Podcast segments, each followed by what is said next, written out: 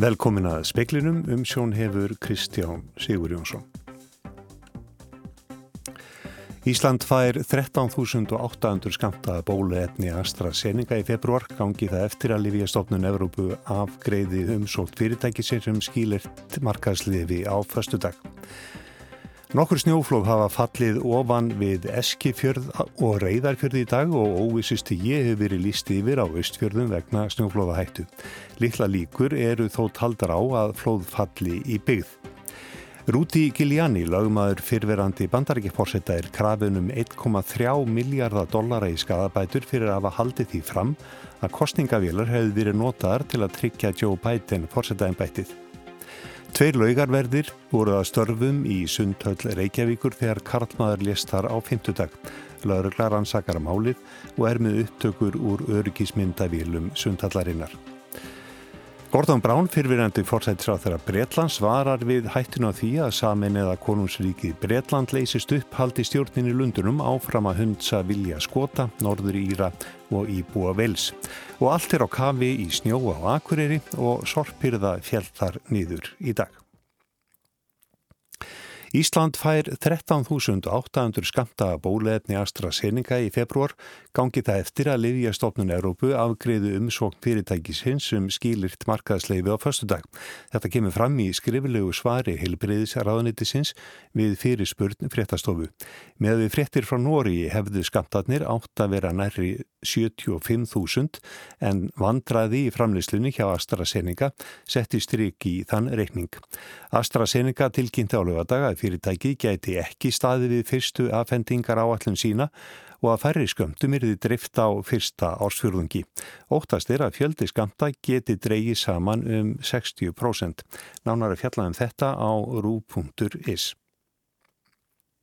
Nokkur snjóflóð hafa fallið ofan við Eskifjörð og Reyðarfjörð í dag og óvisisti ég hefur verið lísti yfir á Ístfjörðum vegna snjóflóða hættu. Ólífur Hilmarsson snjóflóða sérfræðingur hjá veðurstofunni segir enga hætt á flóði í byggð en hvetur vekkfærendur til að fara varlega því snjórin sé mjög óstöðugur. Um eins kílometra breytt flekaflóð fjall í holmgerðafjalli innan við Ottskarði í dag þegar sól tók að skína á hlýðarnar. Annað stórt flóð sást í morgun í Harðskafa og fleiri flóð hafa fallið á austfjörðum síðasta sólaring. Mikill nýr snjór hefur bæst við síðustu daga í norðlegum áttum. Í tilkynningu á veð veðurstofunar kemur fram að veður hafi gengið mikið niður og ekki sé búist um mikill í snjósöfnun til viðbótar.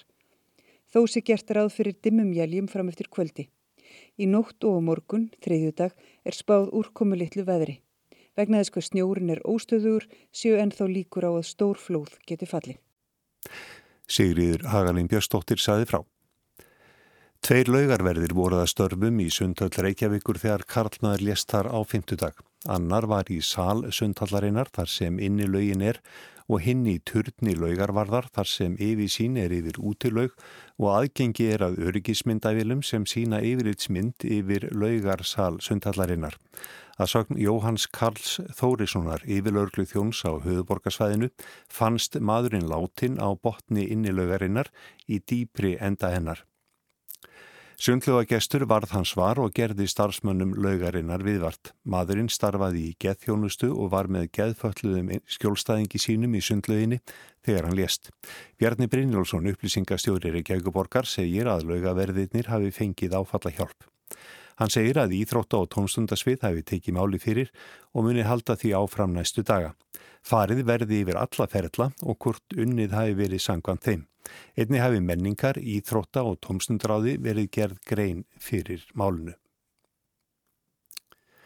Fyrirtækið Dominion Voting Systems krefur Rúti Giuliani, lögmann Donalds Trumps fyrirverandi bandaríkja fórseta, um meir en miljard dollara í skadabætur fyrir að hafa haldið því fram að kostningavilar þess hafi verið notar til að tryggja Joe Biden sigur í fórsetakostningunum í haust.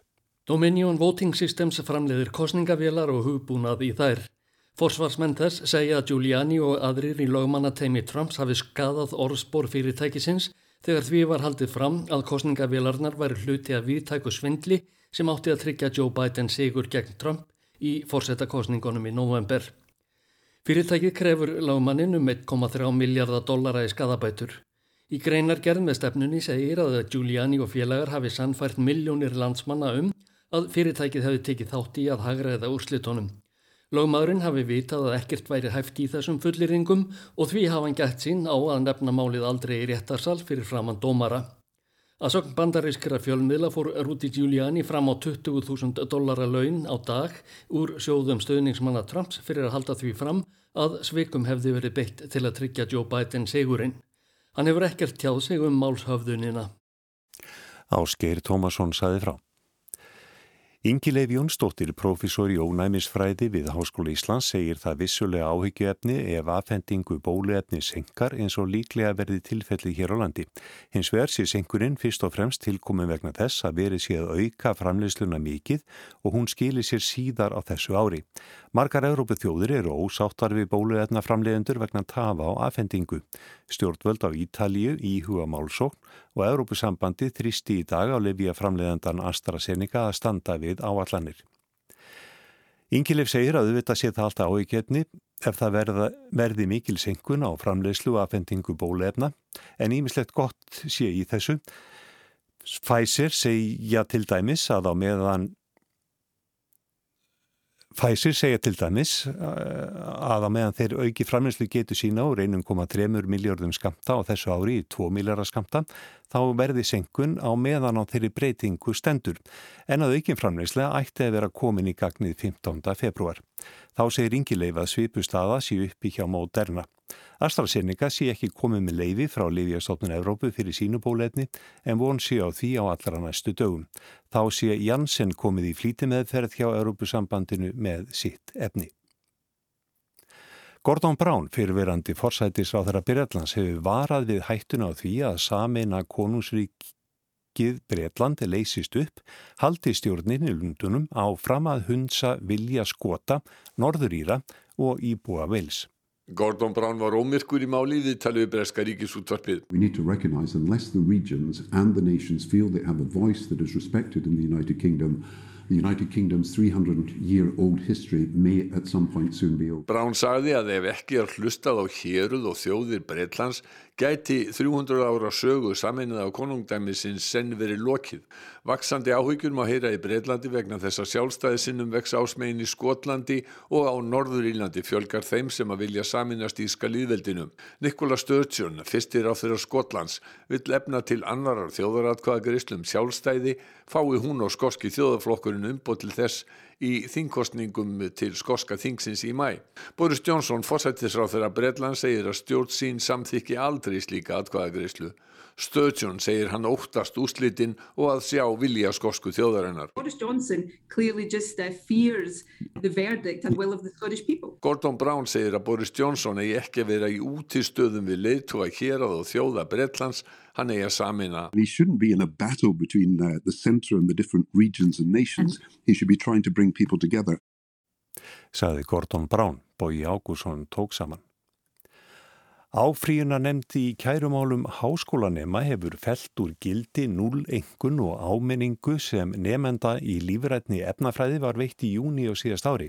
Nefndin var sagaður um að hafa nýtt sér vefsíðu við úrlausn á einu dæmi í loka prófi áfangans. Nýju dögum fyrir útskrift var honum tilkynnt að hann hefði verið ámyndur og fengið null á prófunu. Nendin telur að brotið hafi verið gegn andmæla rétti nefnandans. Þetta kemur fram í úrskurði nefndarinnar frá því í desember. Þar segir að nefnandin hafi treykt prófið í lok apríl. Áfríðina nefndin hafnaði nánast öllum kröfum nefnandans nema þeirri að háskólinn hefði brotið gegn andmæla rétti hans. Jósef Borrell Utaníkismála stjóri Evrópusambandsins er vantanlegur til Moskvu fljótlega eftir mánaðamót og ætlar að þrýsta á menn að láta stjórnaranstæðingin Alexei Navalny lausan. 2000 rúsa kröfðust þessum helgina og honum því sleft. AFP fréttastón hefur eftir hátsettum stjórnar erindreka í Brussel að Borrell eigi með förinni til Moskvu að koma því á framfæri með ómyrkum hætti að Evrópusambandið krefist þess að Navalny verði látin laus. Þetta var ákveðið að fundi utan ríkisráð þeirra sambandsins. Þar var ég að framdrætt um refsi aðgerir gegn rúsum vegna meðferðarinnar á Navalny. Nýðurstaðan var svo að ákverðunum þær væri ótíma bær. 2000 tóku þátt í mótmælum gegn handtökunni í yfir 100 borgum í Rúslandi í gær. Lóregla handtók yfir 3500 manns. Stjórnvöld sagðu í dag að hríðuverkamenn hefðu staðið á bakvið mótmælinn. Þá kom utanriksráðu netið á framfæri kvörtun við bandariska sendiráði í Moskvu vegna skilabóða á samfélagsmiðlum þar sem hvart var til mótmæla gegn stjórnvöldum. Já, framtóru bandariskir taknirísar sakaður um að skipta sér af rúsneskum innanríkismálum. Yfirmaður samtaka Alexis Navalnís sem berst gegn spillingu skoraði í dag á landsmenn að koma saman á götum úti í borgum og bæjum í Rúslandi á sunnudaginn kemur og krefjast frelsis, réttlætis og þess að Navalní verði látin laus. Ásker Tómasson saði frá. Fjöldi erlendra ríkisborgar á Íslandi er tæplega 51.400 eða jafnaði 14% þegar hort er til allra sveitafélaga landsins. Þetta kemur fram í nýjum tölum sem þjóðskrá hefur byrt. Hæstelhutvallið í Mýrdalsreppi þar sem 361 af 764 íbúum er af erlendubergi brotin eða 47,3%. Í Árnesreppi býr einna velendubergi brotin eða um 2,5% íbúa. Á Suðunisjum er hæst hlutfall íbúa af erlendum uppruna eftir landslutum eða 23,4% og vestfyrðir fylgja þar á eftir með rétt rúm 17%.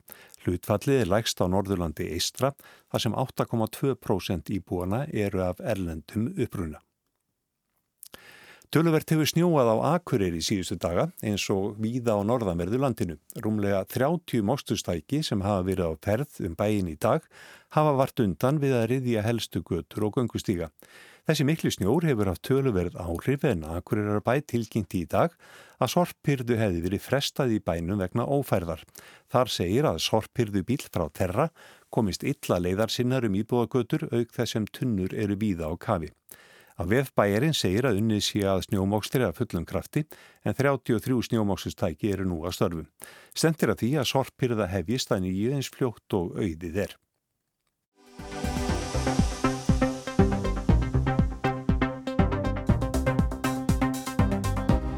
Þórólur Guðnason, sóttvarnalæknir, hvetur Íslendinga til að ferðast ekki erlendis að nöðsynja lausu. Hann segir að talsverður fjöldi farþiga greinis með smita á landamærunum. Farþugum hafi fækkað undanförnu en hlutfall smita á meðal þeirra sé í kringum 1% en var langt undir 0,01% síðastliði haust.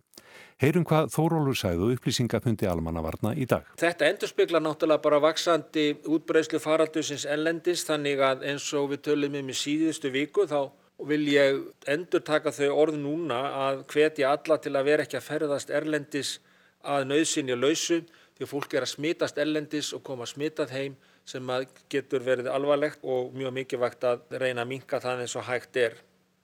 Nú og þó að það gangi vel þessa dagana þá er ekki ástæða til þess að mínu mati að slaka frekar á innanlandstakmörkunum á þessari stundu.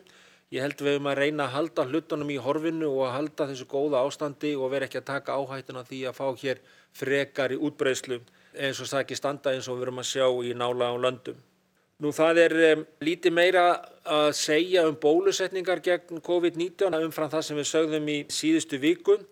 Við býðum enn fregna af afhendingu bóluefna frá Pfizer og Moderna eftir massmánuð og býðum eftir markasleifi AstraZeneca og afhendingar áallun í framhaldi af því.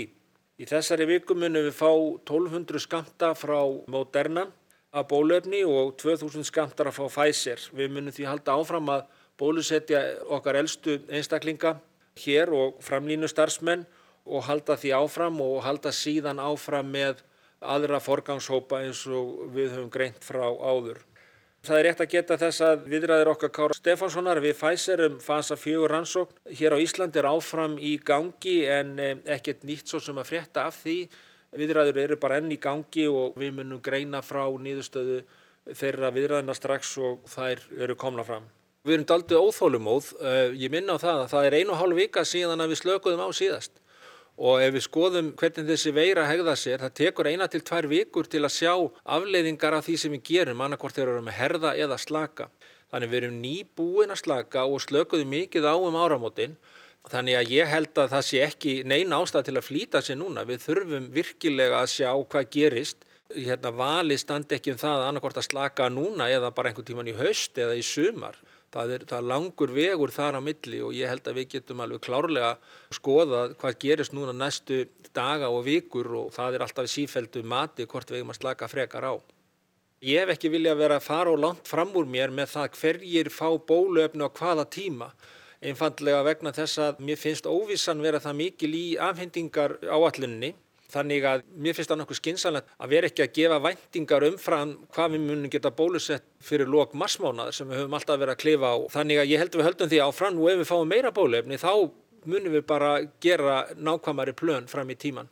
Ég held að það sé kannski ekki varlegt að vera að spá mikið fyrir um hvað maður geti gert mikið í sumar eða spá fyrir um stóra mannfagnaði og svo framvegis og framvegis. Það eru bara, það margir óvissu þættir eitt af því er bóluefnið, bólusetningin, hvað við komum til með að fá mikið af bólefni og búin að bólusetja marga, hvernig staðan verður raun og vera á faraldrinu hérna innanlands, hvernig verður staðan á faraldrinum erlendis, hvernig verður staðan með þessa nýju afbreyði sem við verum að tala um munu bólefni virka á þau og svo framvís og framvís. Þannig að það væri mjög óvarlegt að fara að tala um það að segja að það er hægt að halda þessu stóru samkomur í sumar og svo framvís. Það væri bara ekki rétt að gera það, finnst mér. Þetta sagði Þórólfur Guðnarsson á upplýsingafundi almannavarna í dag.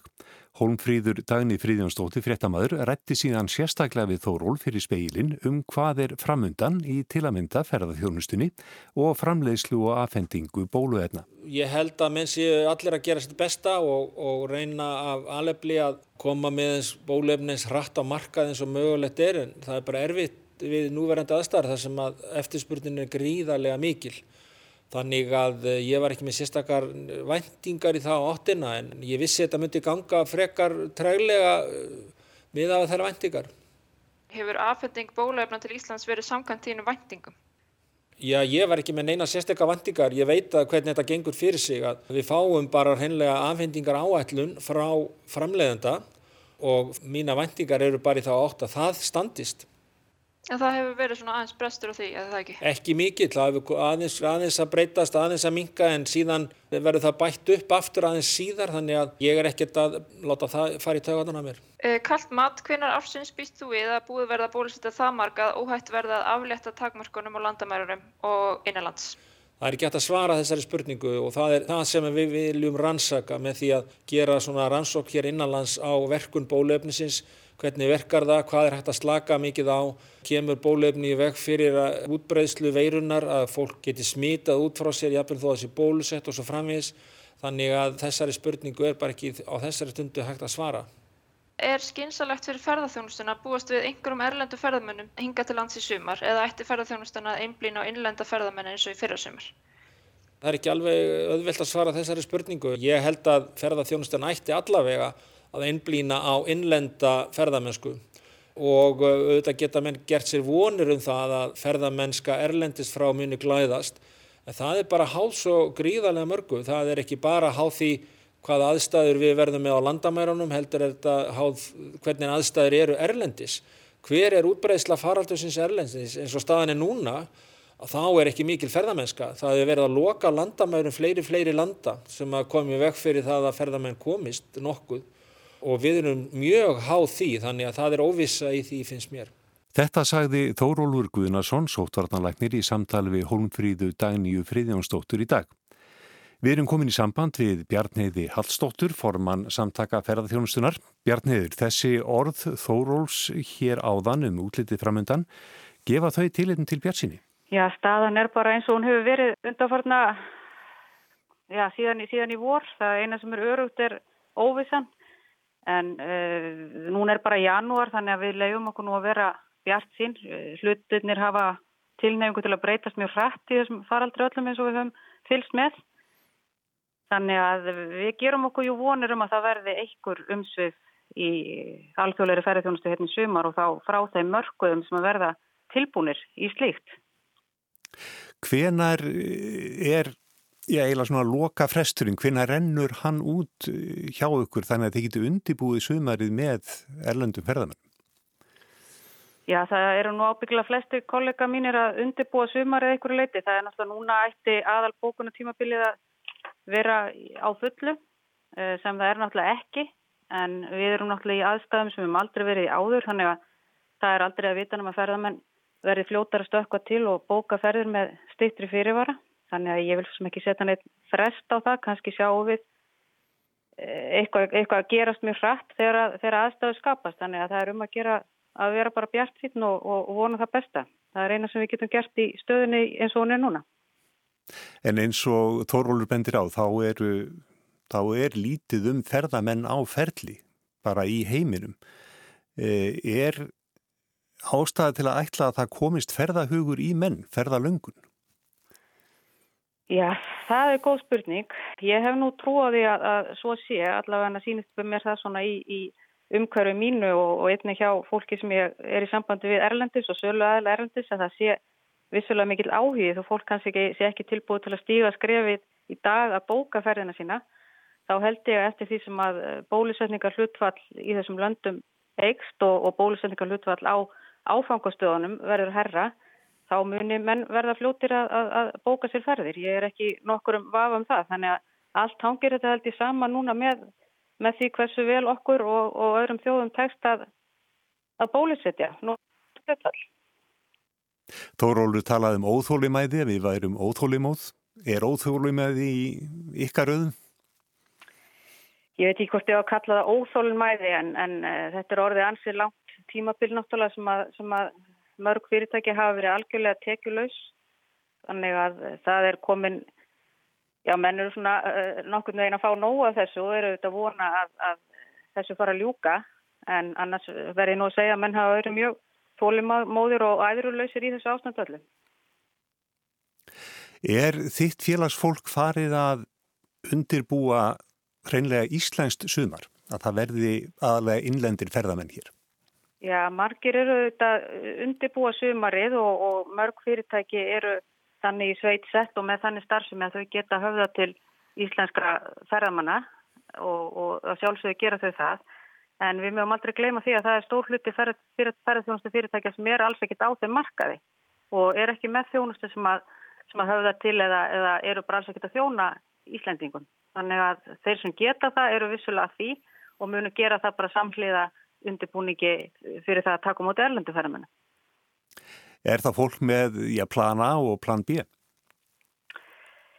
Já, plan A hlýtur náttúrulega alltaf vera að, alltaf að, vera að ferðarþjónustan fari í ganga einhverju leiti eftir fyrsta mæ og, og plan B er að hún fari í ganga einhverjum plan síðar og, og, og jafnvel ekki fyrir henni í haust. Þetta er bara eitthvað sem við vitum alls ekki og plan B hlýtur þá bara að innihalda það að fyrirtækin verða bara áfram í, í nokkus konar dvala, mörg þeirra og munu þurfa einhvers konar áframhaldandi líflínu ef fer ef, ef þetta fer allt á vestaveg en, en við vonum náttúrulega að um leið og aðstæðuskapist þá fari allt hér á fulla ferð samankvæmst að verður í júni, júli, ágúst eða september.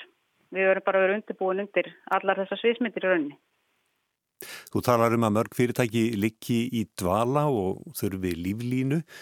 Eh, hversu stór hluti ferðarþjónustunar kemur til með að lifa þetta af? Það er algjörlega ómöld að segja og eitt af þessum óvissu þáttum. Þetta fer náttúrulega allt eftir því hvenar okkur tekst að fara í gang aftur og einni hvernig ferðarþjónustu hérna innanlandsverður í sumar. Það, þetta eru óteljandi breytur sem eru algjörlega óþægtar þannig að það er ómöld að segja, segja til um það á þessum tímapunkti. Takk fyrir þetta Bjarniður Hallstóttir.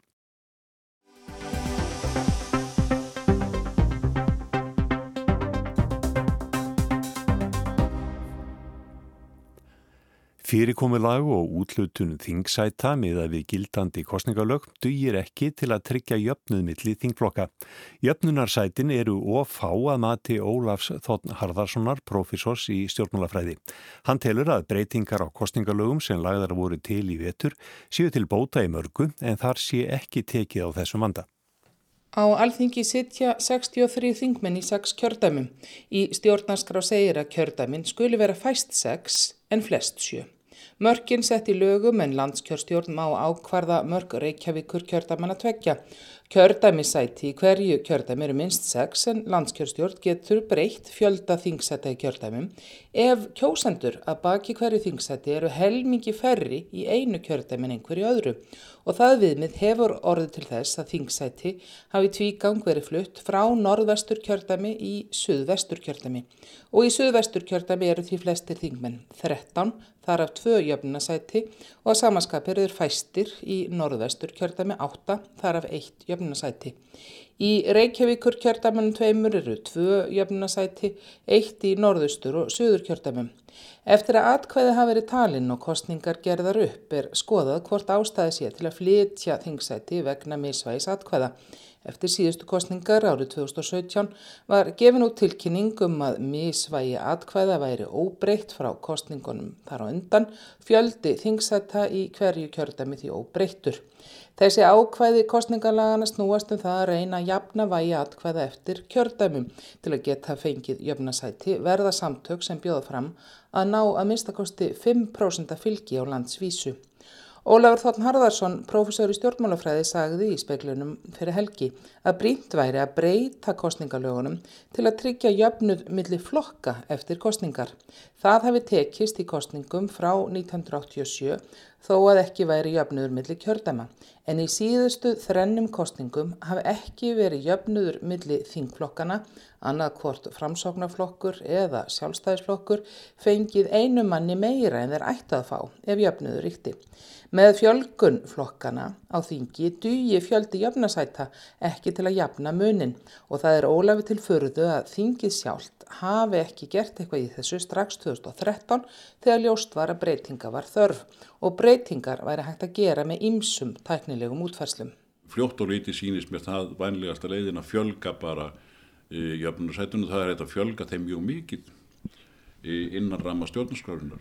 Aðalmálið er að, að jöfnarsætin séu nógu nægilega mörg til þess að tryggja jöfnum villi flokka og, og það er að vísu ákveði líka í hvaða kjörðamöður lenda en, en, en, en þessu megin markmiði sem að greinilega er, er, er markmiðið í stjórnarskráni að, að, að það er í rauninni lögjafans að útfæra það.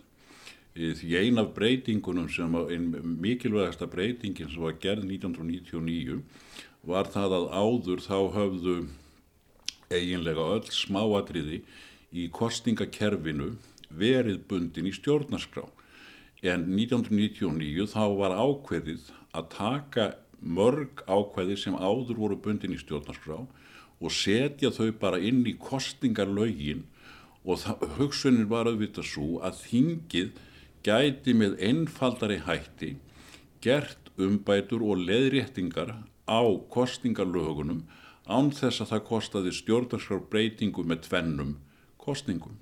Nú hefur verið lagt fram frumvarp til heildar endurskoðunar á kostningalögum og það eru kostningalög sem munið þá ná til fósittakostninga, sveitarstjórnarkostninga og þingkostninga og ég hef skoðað þetta frumvarp og það er mjög til bóta en hins vegar í því frumvarfi er ekki tekið á þessu, þessu, þessum vanda með, með jöfnunarsætin. Það var í rauninni ekki á viðfangsefna lista þeirra nefndar sem að, sem að var að endur skoða kostningalögin þannig að það, um, um jöfnunina er ekkert í því, því frumvarfi. En finnst Ólafi líklegt að þessu verði breytt? Já, ég held að það hljóti að koma til, til umræðu og ég veit að viðreysn hefur lagt fram frumvarp sem að á að ganga í þessa áttina en, en ég vil ekki trúa öðru heldur en að þingi taki á þessu fyrir kostningar. Sagði Ólafur Þotn Harðarsson. Anna Kristín Jónsdóttir talaði við hann. Það var helst í speklinum í kvöld að Ísland fær 13.800 skamta að bóluefni AstraZeneca í februar. Gangi það eftir að Livjastofnun Evrópu afgreiðu umsókn fyrirtækisins um skilirt markaðsleifi á förstudag. Nokkur snjóflóð hafa fallið ofan við Eskifjörð og Reyðarfjörði í dag og óvissist ég hefur verið líst yfir á Ístfjörðum vegna snjóflóða hættu. Littla líkur eru þó taldar á að flóð falli í byggð. Rúti Giuliani, lögmaður fyrirverandi bandarækjafósetta, er krafin um 1,3 miljardar dollara í skadabætur fyrir að hafa haldið því fram að kostningavélur, vélar, hefði verið notar til að tryggja Joe Biden fórsetta ennbætið. Allt er á kafi í snjó og akureyri og sorpirða þar fellur nýður í dag. Veðustofan spáir austan og norðustan 10 til 18 metrum á sekundu á morgun en hægari vindur um landið austanvert. Dáli til jél norðan til landinu en annars bjartviðri. Frostverður á bilinu 1 til 13 stig, mildast siðst. Fleiri er ekki speiklinni í kvöld. Tæknimaður í útsendingu var Ragnar Gunnarsson. Verðið sæl.